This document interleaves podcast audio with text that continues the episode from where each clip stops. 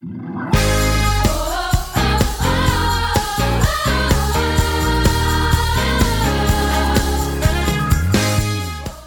to the City Church International podcast. Each week we launch new teachings and preachings from our Sunday service. We hope it will encourage you in your relationship with Jesus and empower you in your everyday life.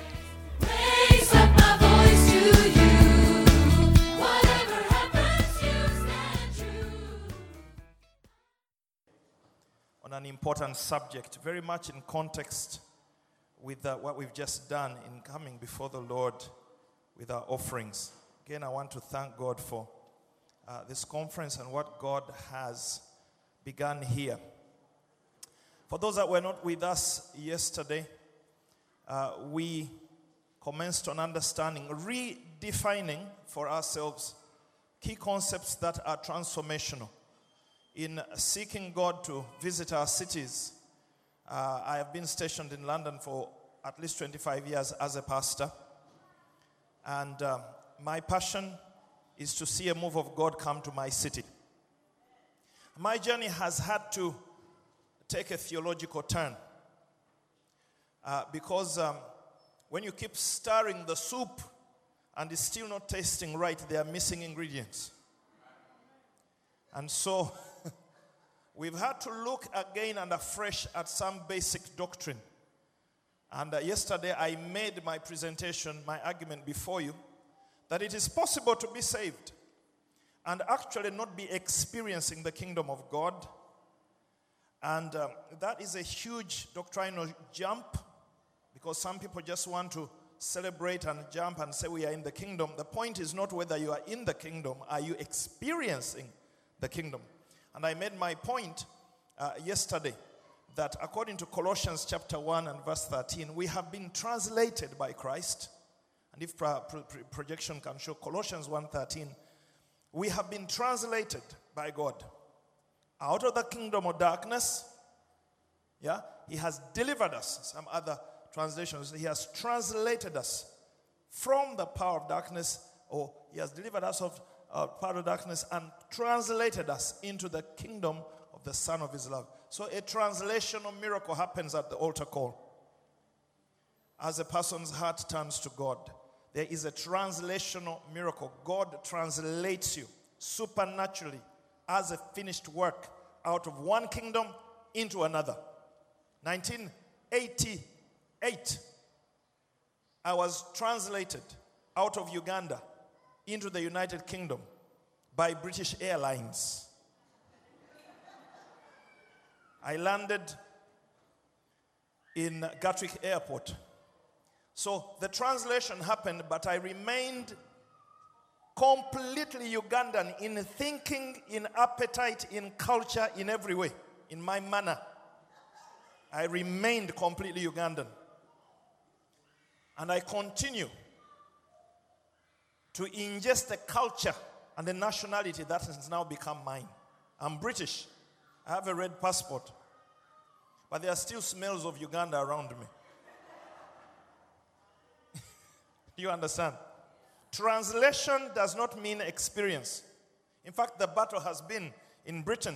Can we turn British people into British people? Can we turn the immigrant to embrace the culture of Britain? I'm using it purely as an illustration that it is possible to be translated by God from the kingdom of darkness into the kingdom of light, the kingdom of the Son of His love, and find that experientially and practically you have not learned the principles of functioning under a different kingdom. And so, uh, I, I, I have been pastoring a church for 25 years.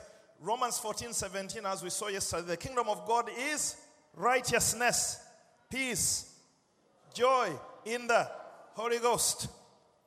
In fact, uh, the the other, uh, uh, when the, that one says that the kingdom of God is not about food and drink, but righteousness, peace, joy in the Holy Ghost. The other uh, text says the kingdom of God is not a matter of talk, but power.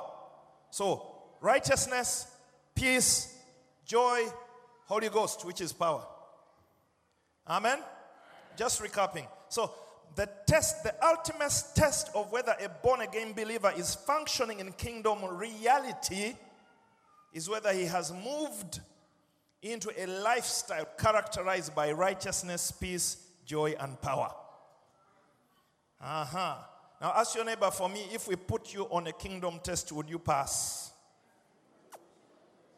Righteousness, peace, joy, power. Those are the signs of kingdom life and kingdom function. And I said, Lord, I refuse to continue pastoring a church which instead of righteousness, peace, joy, and power is characterized by running battles with sin, depression,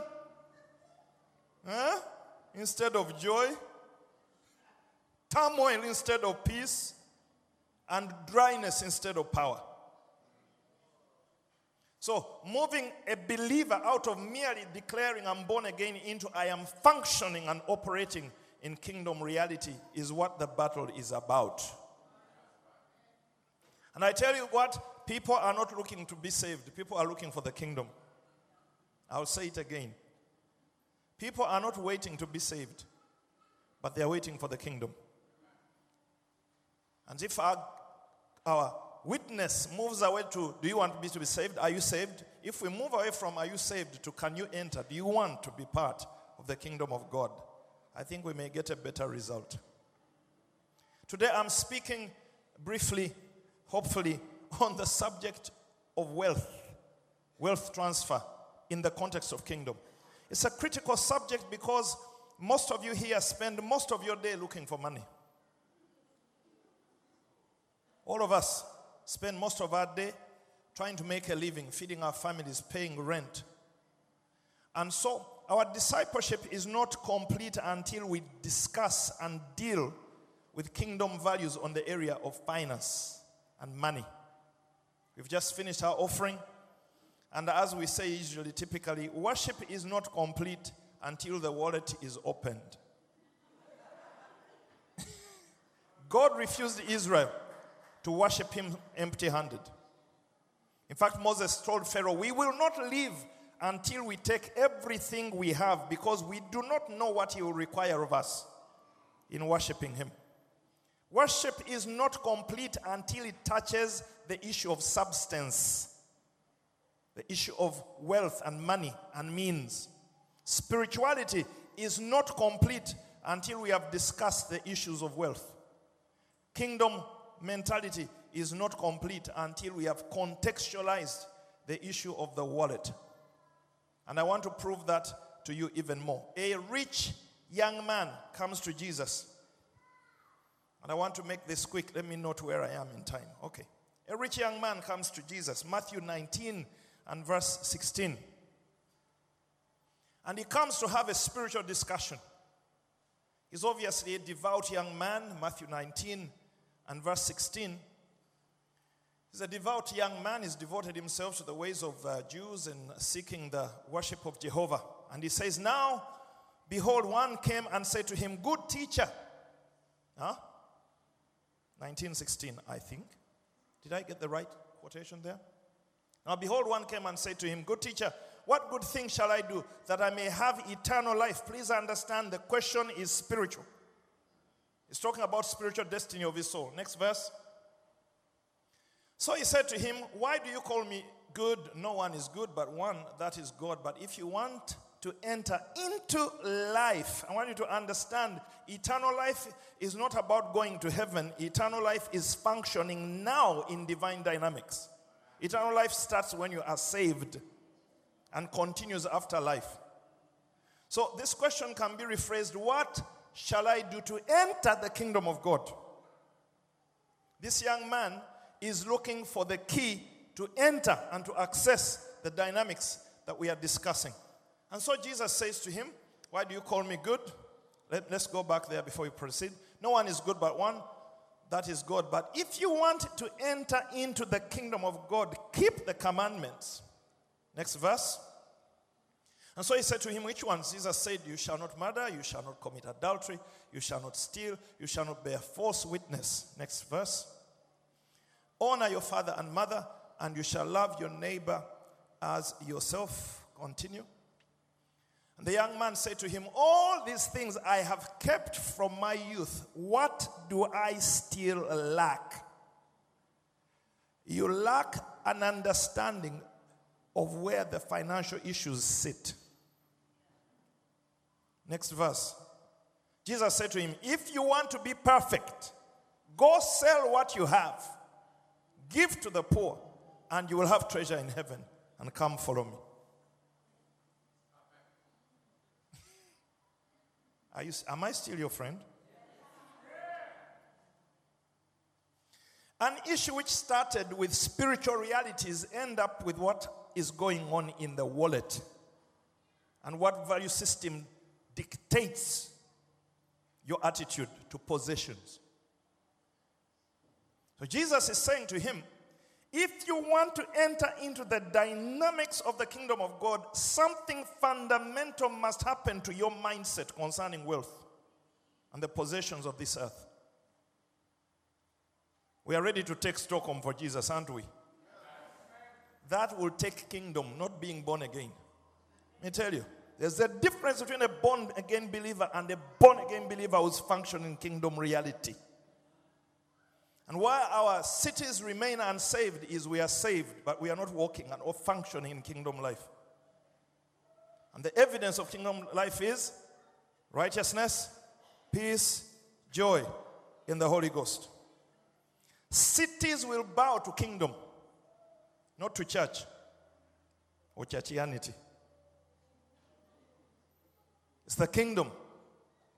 The kingdom message is a powerful, potent message, as we saw last night. Elijah is there wishing he was down here doing this thing. Hallelujah. And when we step into kingdom life, everything begins to change. Jesus was a prototype of what a believer should look like.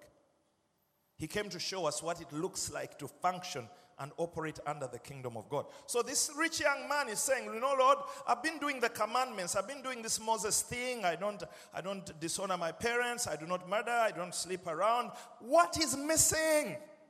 Jesus tells him, You've done the moral stuff right, but something has not snapped in your spirit concerning money. Hallelujah. I wonder whether this is the missing ingredient here in Stockholm.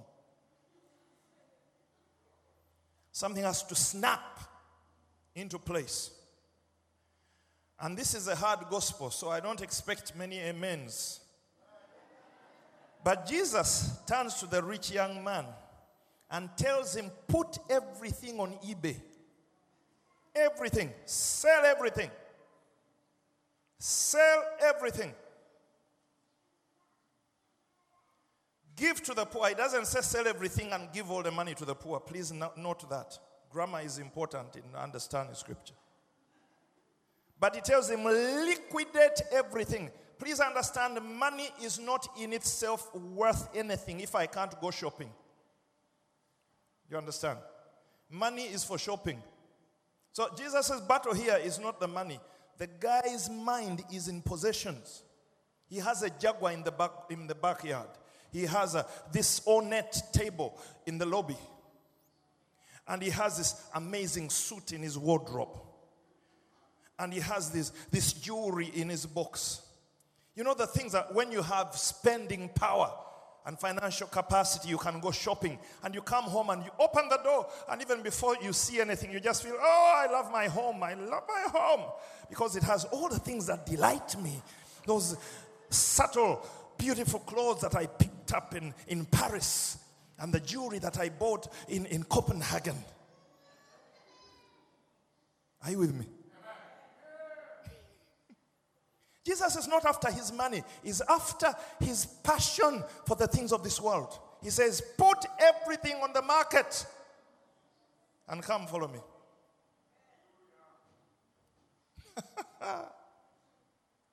I told you yesterday, Jesus gave the parable the kingdom of heaven is as a man who finds a treasure and does what? And hides it. A hidden treasure, a treasure hidden, which he finds and hides. And then he goes home. What does he do? He sells everything and buys the field. Has he lost any money? No, all the money is still with him. He's actually invested in a better thing, he's invested in property. But a miracle has happened.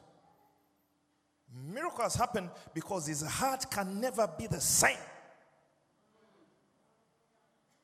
A miracle has happened at heart level.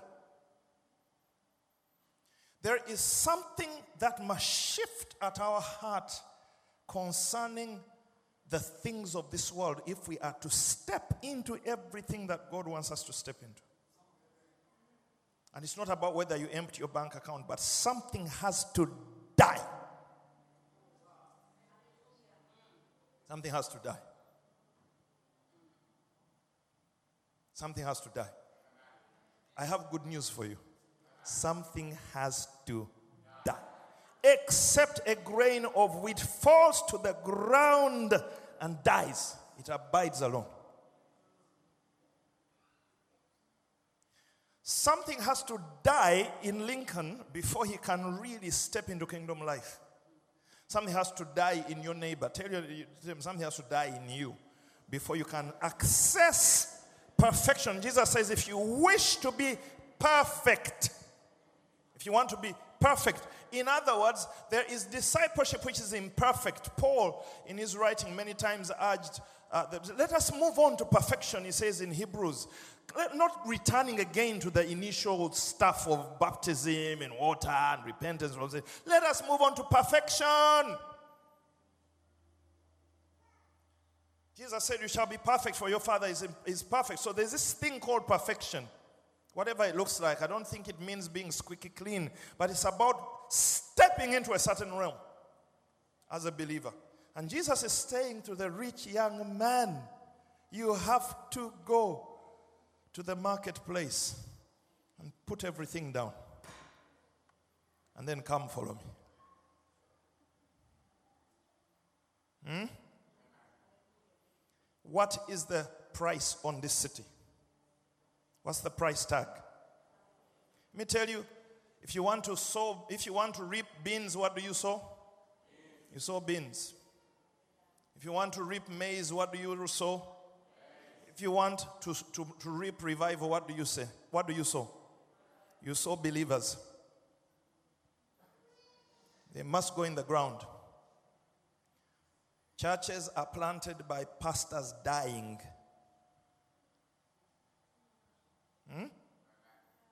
Are, are you still my friends out there? When you want to grow a church, you sow a pastor. You dig a hole, put him in. Then the church will grow.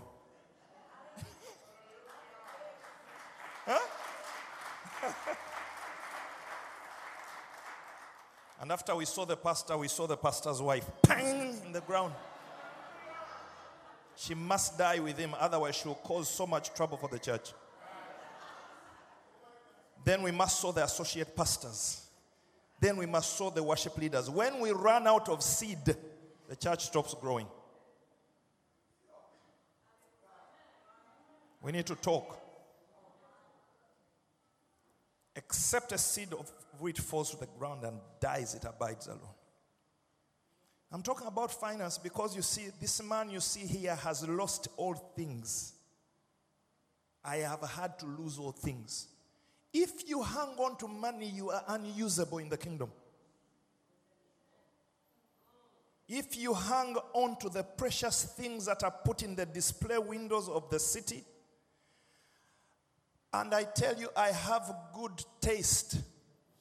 I know how to go shopping.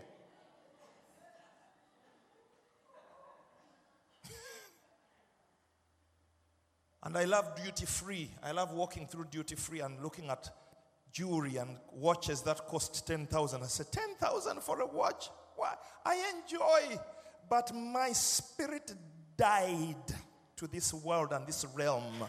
I must die for my city to have a chance. Let me tell you, Jesus died to purchase us. And he says, if any man wants to be my disciple, what you should do? Get your handbag and go shopping. He said, take up your cross, deny yourself, When?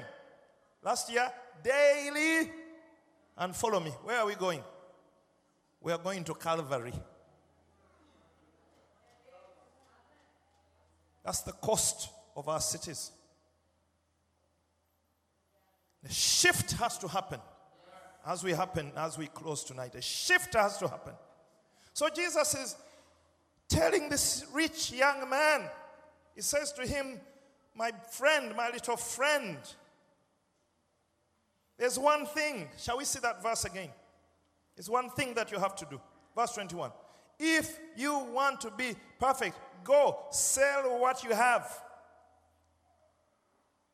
and give to the poor. Step into another realm. Besides selling what you have, your heart has got to open up towards needy people in the earth.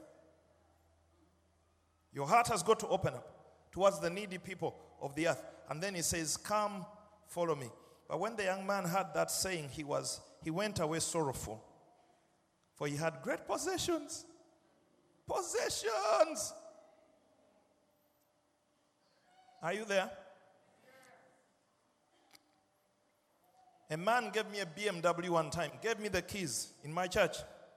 I was driving a, a- we call them old bangers, the one that you have, your, your neighbors constantly see you under the car. That is your general status. You are blocking a hole, you are fixing a leak, you are const- I had one of those cars. And a brother in church bought a 3 Series, beautiful BMW, gave me the keys. I felt like the kingdom had come. And it had come. I turned the keys and the car came alive. And I thought, wow, Lord, finally, now I know you as you really are. I enjoyed the car. And then one day the Lord told me, Take this car, which you love very much, and sell it. Have you heard that somewhere before? Abraham, take this son of yours and bring him to me as an offering because we have a nation to build. And if your heart is on anything else other than the highest things of God, we cannot do this. Amen? This thing in, is not a joke, it is critical for the journey. God comes to Abraham, Genesis chapter 12, and says to him, Leave your father's country. Leave your house, leave your father, leave your father's country, leave your father's home, and come with me. It looks like it reads simple, but you're talking about ripping yourself out of your land, real estate, a setup, a structure, connections, power, influence. Become a sojourner dwelling in tents, and I will bless you. I need to uproot you, Adam, out of the structure of provision that you have inherited because I need to teach you principles that are bigger than mere possessions. So Abraham obeys, and again, going back to the principle of obedience we've just been hearing, Abraham rips himself out of a heritage and becomes a wanderer. Because you see, the kingdom of God, Jesus explains here, and I think I should stick to this so that I, I try and finish in good time. Look, can we read a little more here? Jesus says to him, uh, verse 23 Then Jesus said to his disciples, Assuredly I say to you, it is hard for a rich man to enter the kingdom of heaven. Is he talking about going to heaven? No, he's talking about entering spiritual dynamics that transform communities and cities. He's talking about the capacity to sit at a wedding and say, fill those pots with water. And the water becomes wine. He's talking about the capacity to say to somebody, Do you want to be made whole? Oh, there's no one to put me in the world. He says, Pick up your bed and go home. That is what he's talking about. He's talking about the capacity to interrupt the works of darkness in the earth and to reverse death and to heal the sick and raise the dead and cleanse lepers and to walk through our cities in the power and the glory of God. That is what it means to walk in the kingdom of God. Jesus is saying it's very hard for a rich person to step into those dynamics. And I'm not against any rich people here. because it's not about the money, it's about a miracle that must happen in the heart. And so, uh, the, the, the question, the, the, the, plight, I mean, when you read, uh, let's read and finish the story. He says it's very difficult. It's impossible. It's virtually impossible, he says. Um, where is it? Am I lost here? Trying to find my verse. Have you found it up there? I sure said to you, it is hard. Everybody say it is hard for a rich man to enter the kingdom of heaven. That's why he's telling him to sell out. That's why he's calling Abraham to leave everything and start again.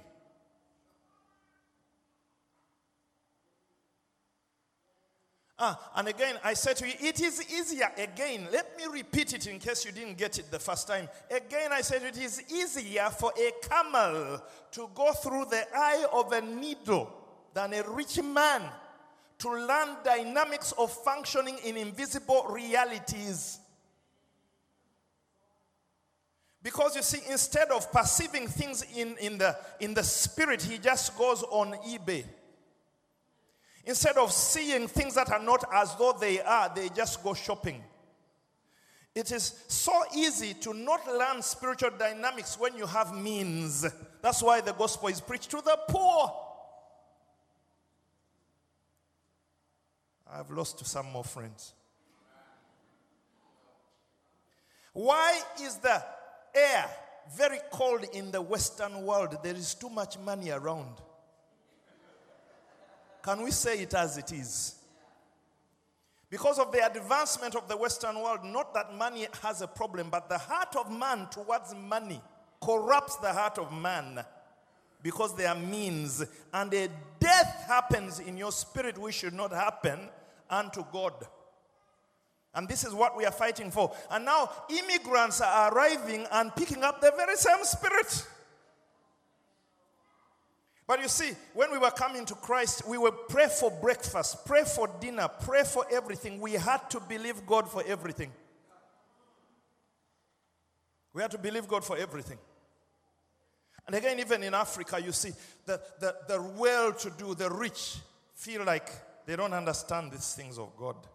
Because the heart of man becomes seduced. And it's, it begins to think just because I have precious things, something dies. So Jesus is trying to correct something in my heart and your heart today. Tell you, ask your neighbor for me, are you willing to die towards the things of this world?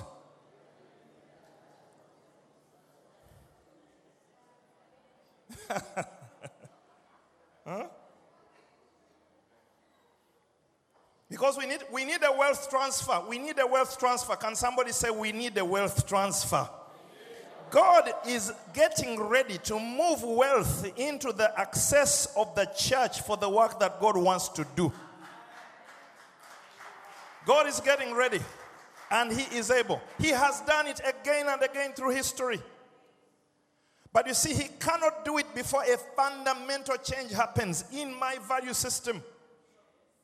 God does not want my bank balance to change and for my spirit to change. I must remove my heart from the place of seduction, the seduction of mammon. Now, have you read a verse? Have, have I finished here? No, let's finish this so that some of your hearts may settle because some of you are going to panic and say, Oh my God, God does not want me to prosper. Mm-hmm. Verse 25 Then his disciples heard it, they were greatly astonished, like you are astonished now. And they say, Who then can be saved? But Jesus looked at them and said, With men this is impossible, but with God all things are possible. So I have good news God is able to bring the rich into the kingdom. But a shift needs to happen. A shift needs to happen. Wealth transfer has been prophesied for many years over the church. Little of it has happened because this change must happen before the transfer happens. I want to show you some interesting verses. You see, according to the verse that uh, Pastor Colin uh, uh, gave us, Haggai 2 6, when God says um, he's going to bring glory to the house. Glory, we are talking about glory, contending for glory. Let me tell you, the glory of God is inseparable with from financial transfer. You cannot have the glory of God without a moving of God in the earthly realm materially.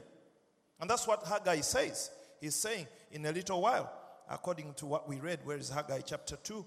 I think it was verse, Haggai chapter 2, verse 6. You find that for us. When God shakes, for that says the Lord of hosts, once more in a little while, I will shake heaven and earth and the sea and dry land, and what will follow. Next verse, quickly. And I will shake all nations, and they shall come to the desire of all nations with Christ, and I will fill this temple with glory. Says the Lord of hosts, I will fill this earth, this temple with glory. Next verse. The silver is mine, and the gold is mine. Once glory gets involved, money must get involved. Because you see, glory is a display word, it is not a presence word. We, there are two aspects of God we can enjoy His presence, or we can go for His glory. Presence is stage one. You say, God is here. Hallelujah, He's here. He can be here and do nothing. The glory of God cannot come and nothing happens. Whenever the glory of God shows up, things must happen. In fact, when the glory fills the temple, we don't need the pastor to preach that day. He can sit because God takes over the microphone and he ministers direct. That's what happened in the temple. And when the glory of God filled the temple, there was no need for priestly ministry because God takes the microphone.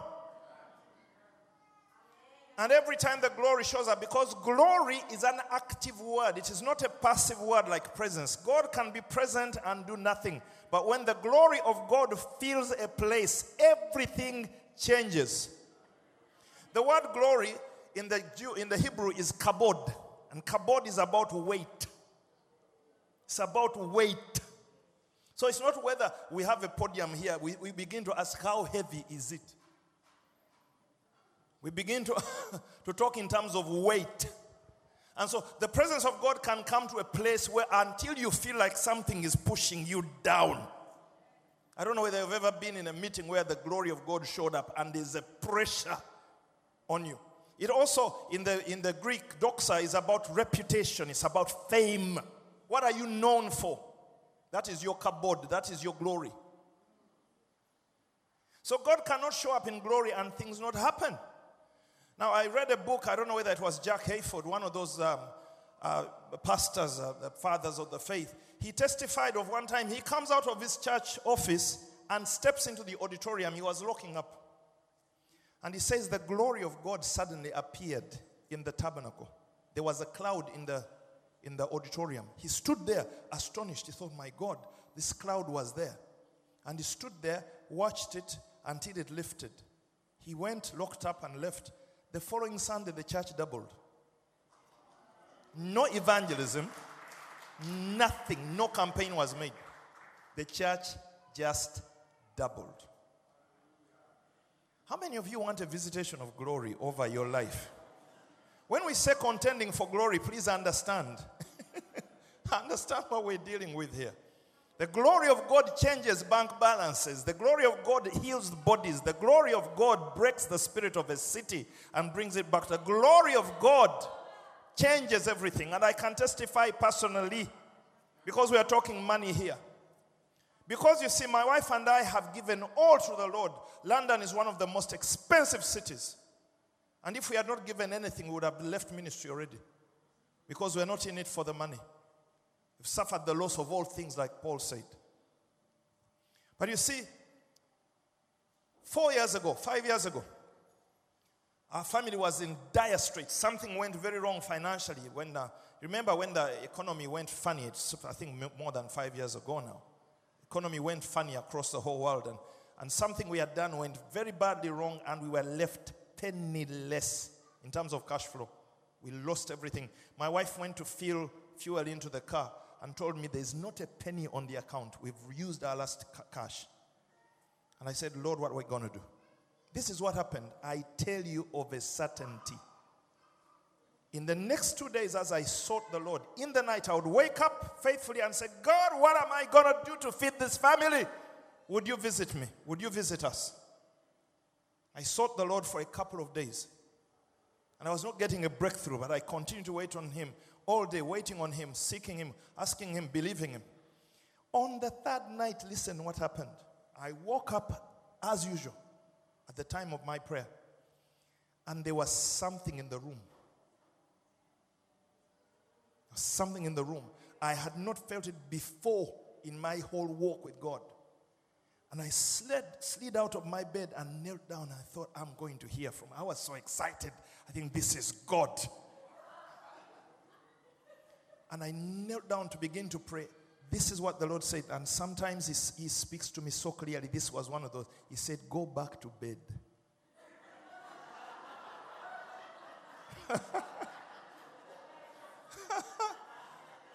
I was thinking he was going to tell me where the money is. He said, Go back to bed. So,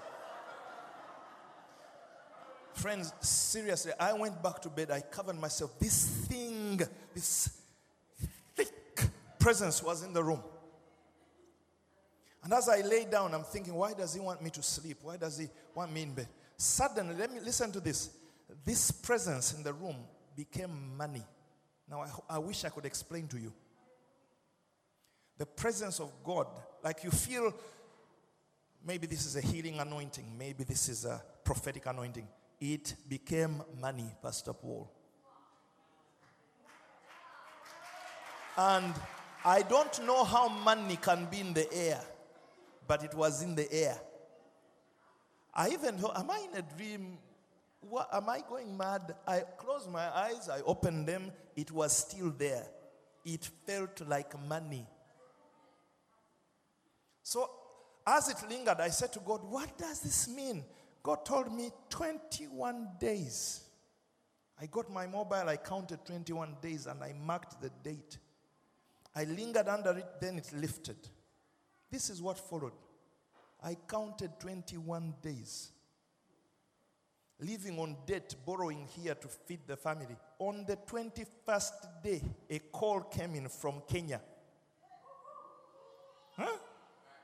This is blessings coming from Africa to Europe. a call came in from Kenya. A former member of my church called me said, Pastor, I have you on my heart, and I feel I must give you money. Somebody say glory. no prayers were uttered that night. Glory just sat on the room. This is what he said. He says, I don't know what it is. I'll send you $2,000. This is from Kenya. I told him, God bless you, brother. I really believe God is in this. We've been completely penniless. He said, Huh? Penniless? Oh, I'll send the money. So after I sent $2,000, it arrived the following day. He then sent me a text. He said, Pastor, explain properly what is going on. I told him, We are in debt to a degree I can't explain to you. We're talking tens of thousands of pounds.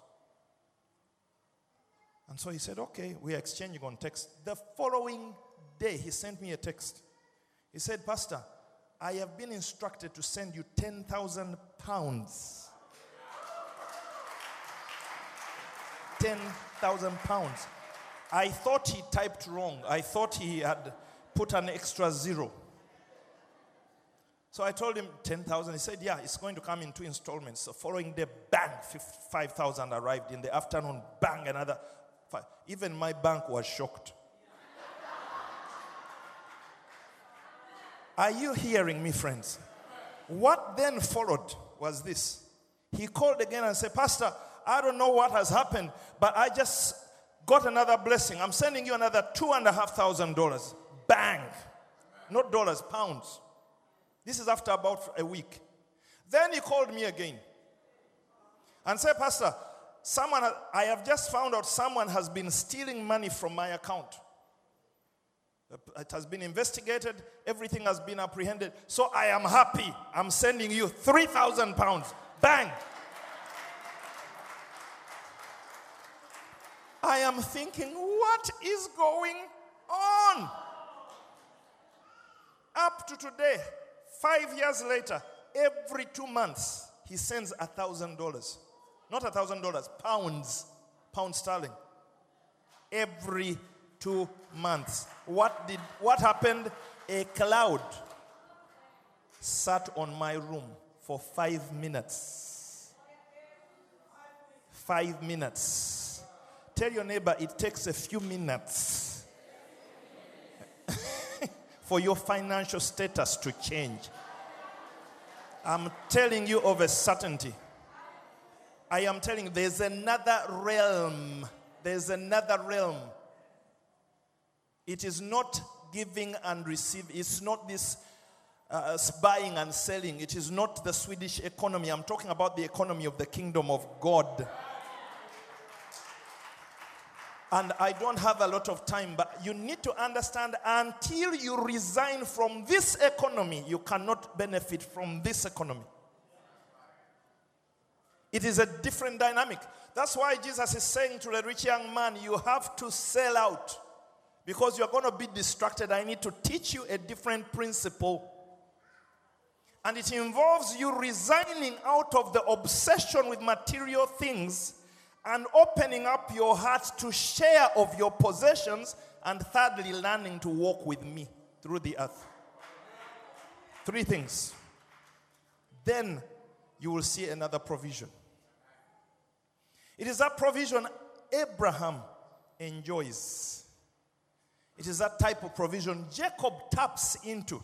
You remember when Laban uh, is cheating on him and I mean cheating him and, and takes away all the animals spotted and speckled. He leaves the herd completely stripped, and Jacob has nothing.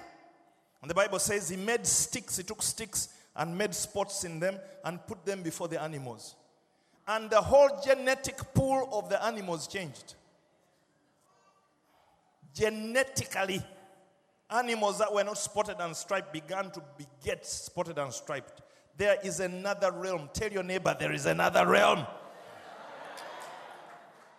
And the Bible says he transferred the wealth of Jacob to the wealth of Laban to himself. There is a transfer system which is supernatural and it's going to come upon the church, but a miracle must first happen to the heart of the believer. And so, a lot of financial teaching, I dare say, in church is still on the structures of how money moves in the earth realm. We do a lot of business seminars in church, and that's fine. But you need to understand that is giving, buying, and selling. But after buying and selling is finished, there's another realm. There's another dynamic. I'll give you a verse here and see if you can catch this. Few more minutes and I'm done. Ecclesiastes chapter 2 and verse 26.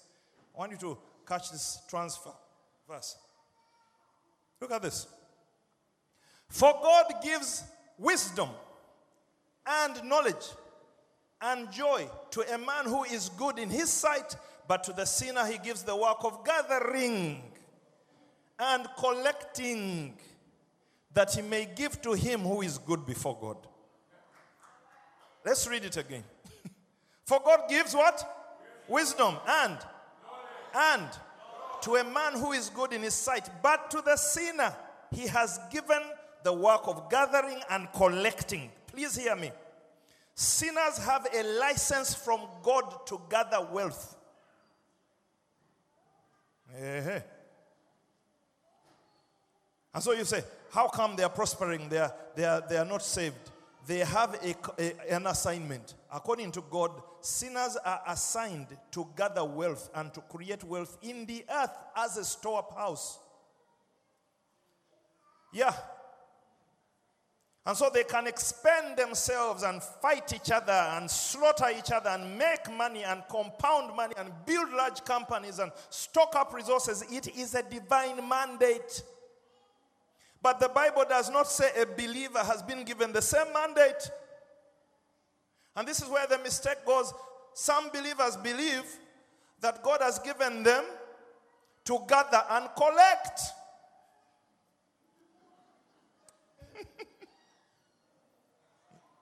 Tell your neighbor, you have no assignment from God to gather and collect. it is not biblical. A believer cannot make money in peace and just make money. You have been moved, you have been translated from one kingdom into another. That's why Jesus says in Matthew chapter 6 do not stock up for yourselves earthly possessions. It is not your calling. Hello. Shall we read it? So that we remember what Jesus said. It's Matthew 6. What verse is it? Trying to find that quickly. Matthew 6 19. Ah, I've lost so many friends in Stockholm, but I have to teach kingdom. The assignment of the church is different. Matthew 6 19. Are you there? Or shall I read here? Do not lay up for yourselves treasures on earth where moth and rust destroy, where thieves break in and steal, but lay up for yourselves treasures in heaven.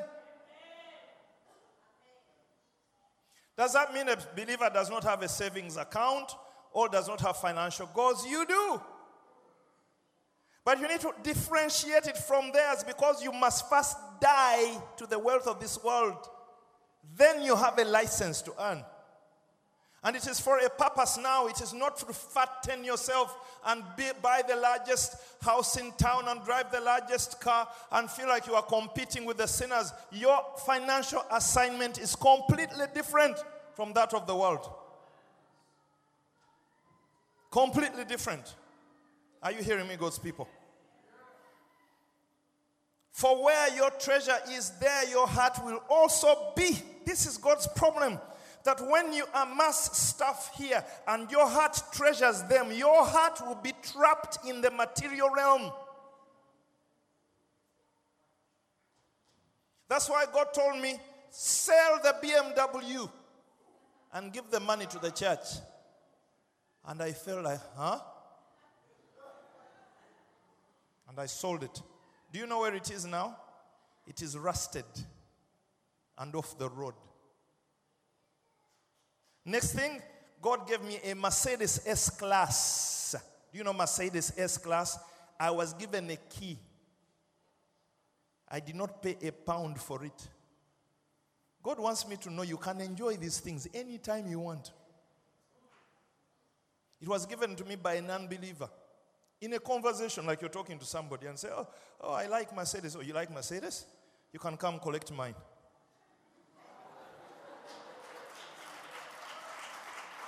So there's one, there's one sitting there. I've had enough of it.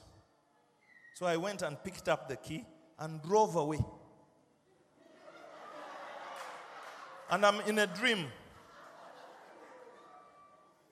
And I had many encounters with God in that Mercedes S Class. 500 series, 6 liters engine. You accelerate and you feel like they are digging for fuel in. Every time you accelerate, you feel like people are digging for fuel to just keep you on the road. And then at some point, I sold it. No big deal. Are you there? Something has to die for something to come awake. So God is able to transfer. Let me tell you, this is what God told me. He said, until the church dies to material wealth, I do not have a license to transfer from the sinner. This is what that verse said. Shall we put it up again? Ecclesiastes? Because this is it. If you become a gatherer, a mere gatherer of money, then God will transfer from you to those who are good. You've crossed camp. You become a candidate for transfer from, not transfer to. Amen. What should a believer have? Number one, wisdom. Number two, knowledge. Number three, joy. That is the call of the believer. Wisdom, knowledge, joy must be the banner that differentiates us from them. There is no greed there. There's no self advancement. There is no selfishness. There's no personal ambition. Wisdom, knowledge, and joy. As I close, I must say this and send you home. Research shows, now this is free of charge. Research shows one of the most important keys to unlocking the wealthy place is joy. Somebody say joy. This is so fundamental.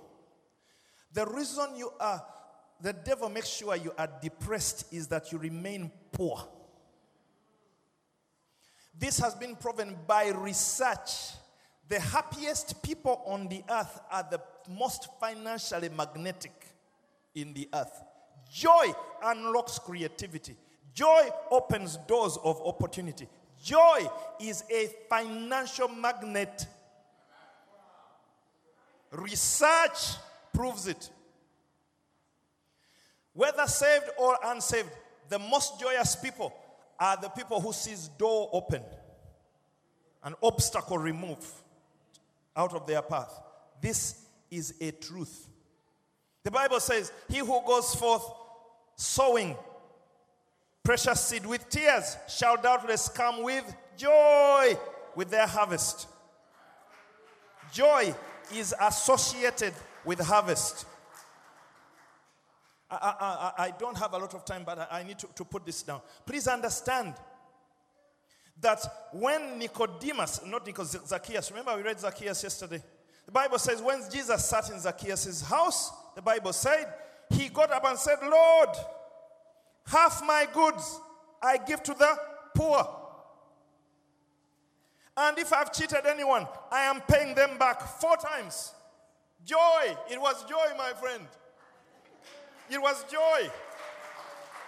The kingdom of God is as a man who found a treasure. For the joy that he had, he went and sold all his possessions and bought the land. Joy. Joy in the Lord. The joy of the Lord is the strength of the believer. Let me tell you, I must close. My God, time is gone. Listen to me, friends. This is what you must do. I give this to you free of charge, Stockholm. And I'm telling you, as a 54 year old man who's been in ministry for 25 years, the worst lie to your life is to focus on your enemies. Can I rebuke some Christian, uh, some African theology? Uh, there's a lot of curses being taught in church. People walk around with lists of curses, with lists of, of spells you must break, and who bewitched you, and who begat who bewitched you, and who your grandfather was, and where he was born, and what curses he had. You have to study your lineage so that you can break the curses. Stop studying curses. We have too much to lay hold of. Uh, there's an entire doctrine of enemy theology. Your enemies, find out where they were. If they prayed all night, you must also pray all night. Who told you?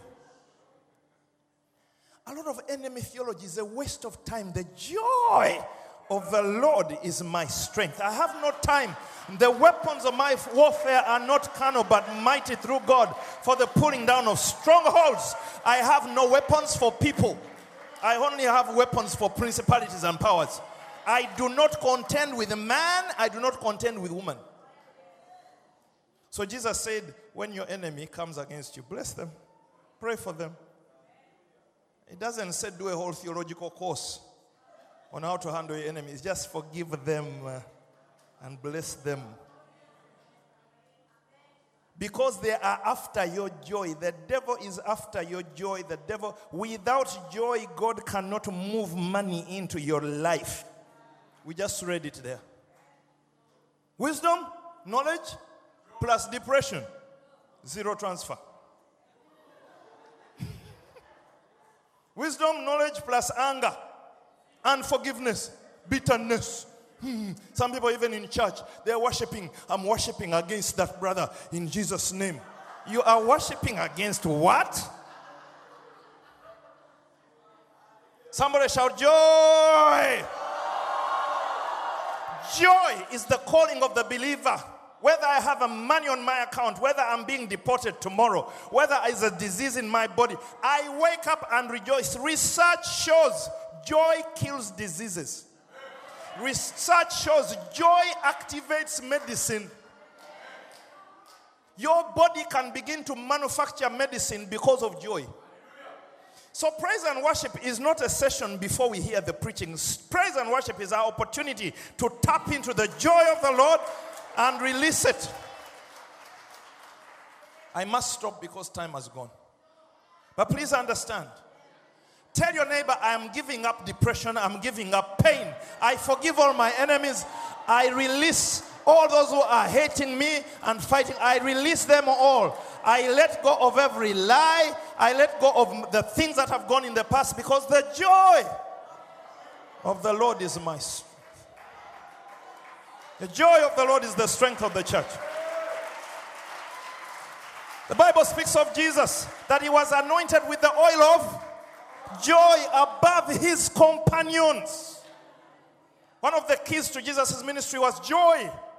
Joy, joy, joy. I don't know who I'm speaking to. Joy. I prophesy joy over your life, joy in your family, joy in the morning, joy in the evening, joy at lunchtime. Just make a decision that you're going to rejoice.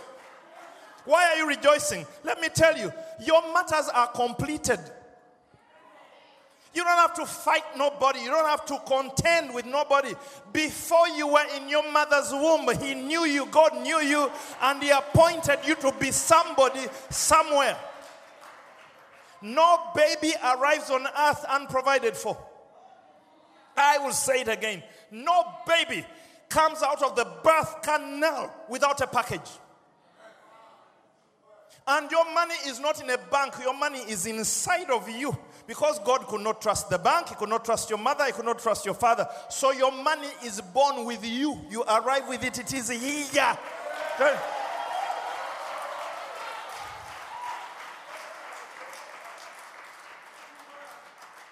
Hey. So you can go rob my house, take everything that I own, as long as I still breathe. I will call upon the Lord, I will lift up my eyes to Him, and He will supply all my needs according to His wealth and His riches in Christ Jesus. Put your hand here, say, My money is here. It is here, my friends, it's in you.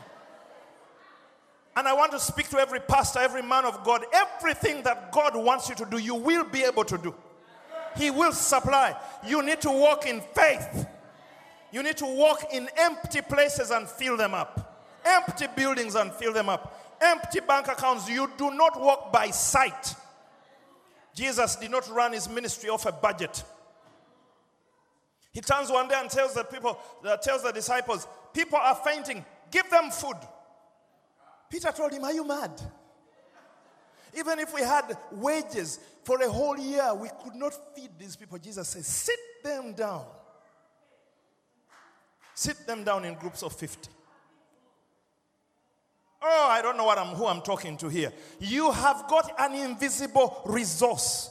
If you have sold your life into the ground, as a man of God, as a child of God, there is a bank account open for you in invisible places. It is not subject to recession. It is not subject to the Bank of Stockholm. It is not subject to Europe. It is an account in heavenly places, and Jesus knew how to activate it. He fed 5,000 men, and women would have been perhaps double, with no planning committee for the meal. He just said, Sit them down, took what was there, broke it, and it began to multiply because there is something about the kingdom of God which takes the little and multiplies it. He sits at a wedding and says, Fill the pots with water. How much money was that? When it all turned to the highest grade of wine. There's another type of currency, my friend. There's another type of currency. He fed the thousand twice so that he can show you it is replicable. That means every scenario that you stand in as a man of God, the supply of God is there. And I thank God for my bank account, but I do not walk by it. I walk by faith. And you know, I travel the world, I go to little villages and teach pastors. Many times I just buy a ticket off the grocery money. You know, it's time to go to Mbale. I buy the ticket. It's as I buy it that the money is moved in. Hey. Tell your neighbor, I'm going to do exploits in the name of Jesus. Not by might, not by power, but by the Spirit of God. There is a resource over City Church. I declare that every vision in this house must come to pass because you are men and women of kingdom. You are going to have budgets. Thank God for the treasury and the board and the committees.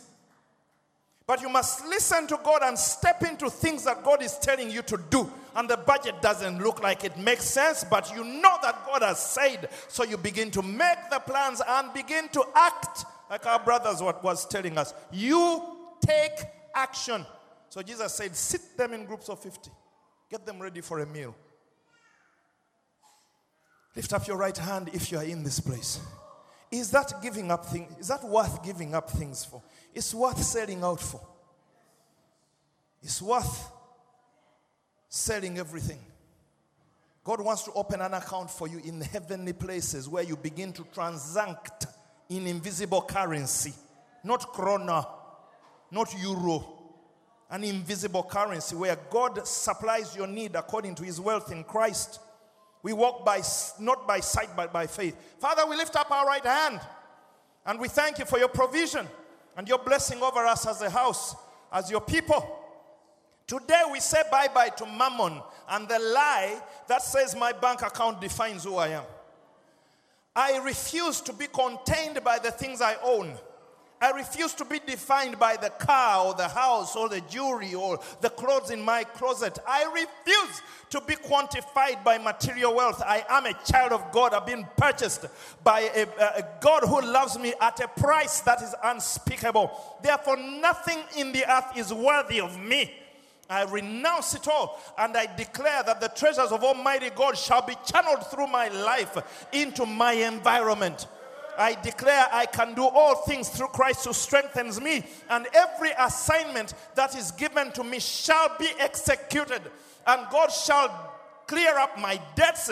He will orchestrate links and connections in the business world, in investment world, in employment. I will meet my key people. I will go to key places. Doors will open for me, and I will walk the wealthy places of the earth because the silver and the gold belongs to my God. Now clap your hands, all you people. Koshandaraba shederebeka. Rederebeka sanamasa. Can I speak what I saw in the spirit? This conference is paid for. Hmm?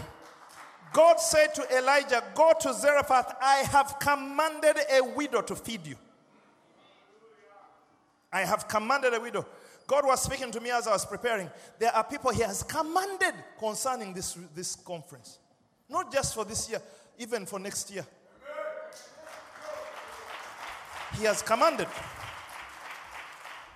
You see, for the feeding of the thousand, it was a little boy with his lunchbox.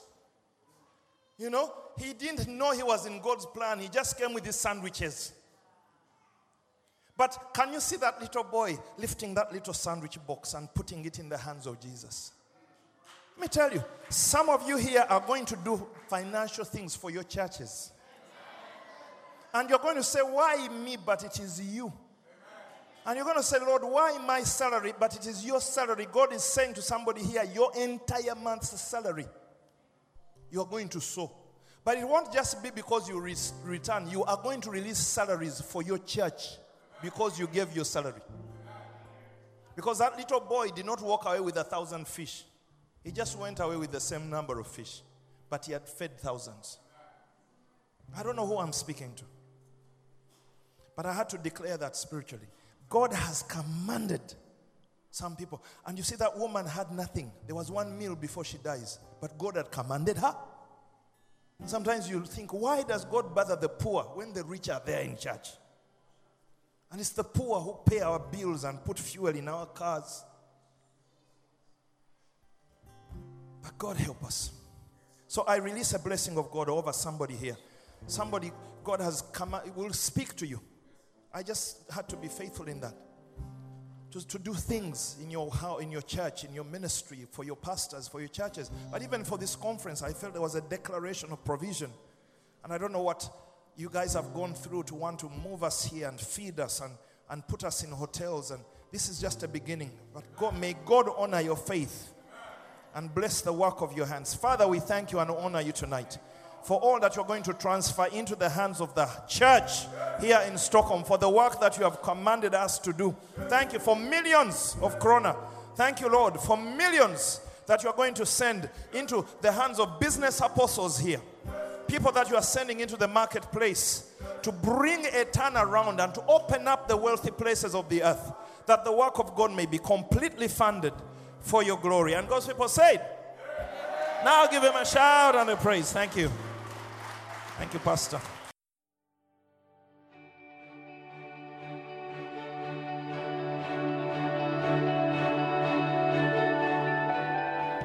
Thank you for listening. If you're in the Stockholm area, feel free to join us at our international services every Sunday at 2 pm at Adolf Fredriks Kyrkogata 10.